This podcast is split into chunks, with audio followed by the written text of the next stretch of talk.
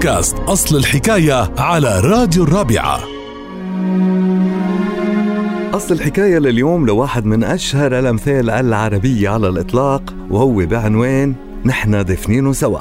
قصة المثل عن شخصين كان عندهم حمار بيتكلوا عليه بقضاء حاجاتهم وتسهيل أمورهم المعيشية وبتحميل البضائع ونقلها من قرية إلى أخرى. كانوا كتير يحبوه حتى صار أهم شي بيملكوه. وكانوا ياكلوا معه وينام حدهم وللتحبب أعطوه اسم أبو الصبر. وبأحد الأيام وأثناء سفرهم بالصحراء سقط الحمار ومات من شدة التعب. حزن الأخوين حزن شديد جدا وبعد ما دفنوه جلسوا قدام قبره يبكوا عليه. وكل مين مر عليهم يحزن على بكائهم ويسألهم عن المرحوم. فكانوا يقولوا هيدا المرحوم أبو الصبر اللي كان الخير والبركة وكان يقضي لنا حاجاتنا ويرفع الأثقال ويوصل لبعيد فكان الناس يعتقدوا بأنهم عم يحكوا عن صاحب كرامات أو عن عبد صالح فيشاركون البكاء. ومع مرور الأيام صار الناس يتبرعوا بالمال والأكل والهدايا.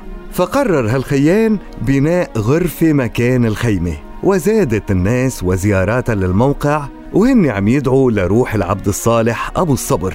وصار الموقع مزار بيقصدوا الناس من مختلف الأماكن البعيدة والقريبة. وصار لمزار أبو الصبر كرامات ومعجزات صارت الناس تحكي عنها.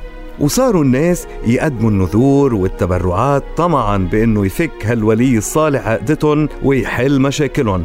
واغتنى هالاخوين وصاروا يجمعوا الأموال اللي بيتم التبرع فيها من قبل الناس لأبو الصبر.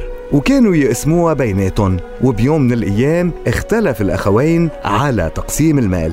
فغضب أحدهم وصرخ على أخوه وقال له والله لاطلب من الولي الصالح أبو الصبر إنه ينتقم منك ويسترجع لي حقي. فضحك أخوه وقال له أي ولي صالح عم تحكي عنه؟ ولو كأنك نسيت ما نحن دفنينه سوا. لتتعرفوا على مزيد من أصل حكايات الأمثال تابعونا على بودكاست الرابعة أصل الحكاية.